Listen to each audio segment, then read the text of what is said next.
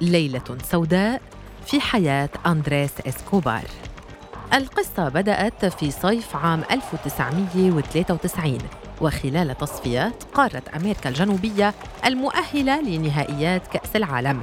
وحين وقع المنتخب الكولومبي بقيادة فالديميرا صاحب الشعر الطويل في مجموعة ضمت معه الأرجنتين بقيادة الفتى الذهبي مارادونا وبيرو وباراغواي. وعكس المنتظر تصدر المنتخب الشهير مجموعته برصيد عشر نقاط. لكن الأهم من الصدارة هي تلك المباراة التي جمعته مع الألبيسيليستي في عاصمتهم العنيدة بوينوس آيرس حيث تمكن فالديراما وزملائه من إذلال مارادونا ورفاقه وسحقوهم بخماسية نظيفة أمام جمهور لم يكن قادرا على مسح دموع الكبرياء المهدورة عن وجنتيه. هذا الفوز الخيالي الذي لم يتحقق من قبل ولم يتكرر بعد ذلك حتى الآن لفت انتباه المحللين للمنتخب الكولومبي.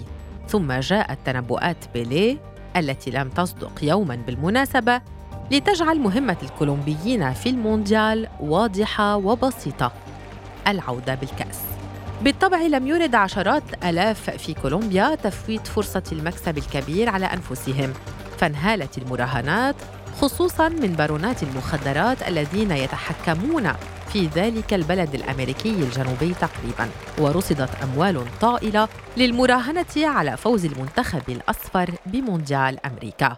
ثم زاد الطين بلة قرعة المونديال التي أوقعت كولومبيا في المجموعة الأولى إلى جوار ثلاث منتخبات هي أمريكا ورومانيا وسويسرا ليصبح تأهلها إلى الدور الثاني مسألة وقت لا أكثر.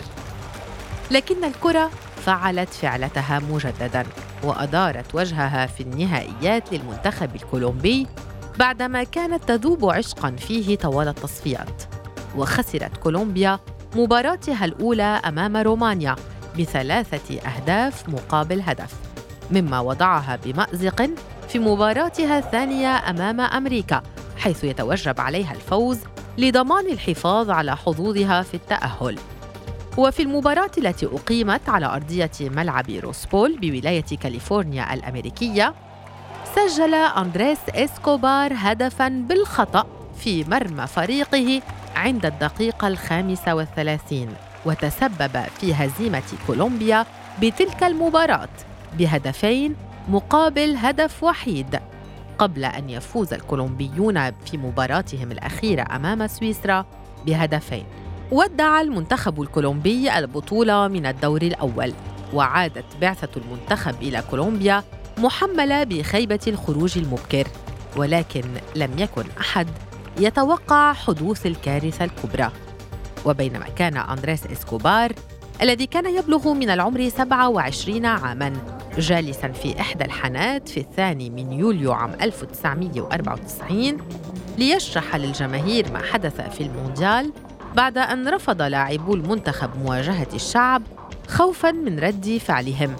اقتحم المكان ثلاثة من رجال العصابات وأطلقوا النار على المدافع ليلقى حتفه في الحال شيع الشعب الكولومبي لاعبه الذي راح ضحية خطأ لم يكن مقصودا في مباراة لكرة القدم كما شارك في تشييعه الرئيس الكولومبي سيزار غافاريا بالإضافة إلى عدد من الشخصيات الرياضية والسياسية قبل أن يتم القبض على الفاعلين الذين ثبت انتماؤهم إلى عصابة تابعة لبارون المخدرات الكولومبي بابلو إسكوبار.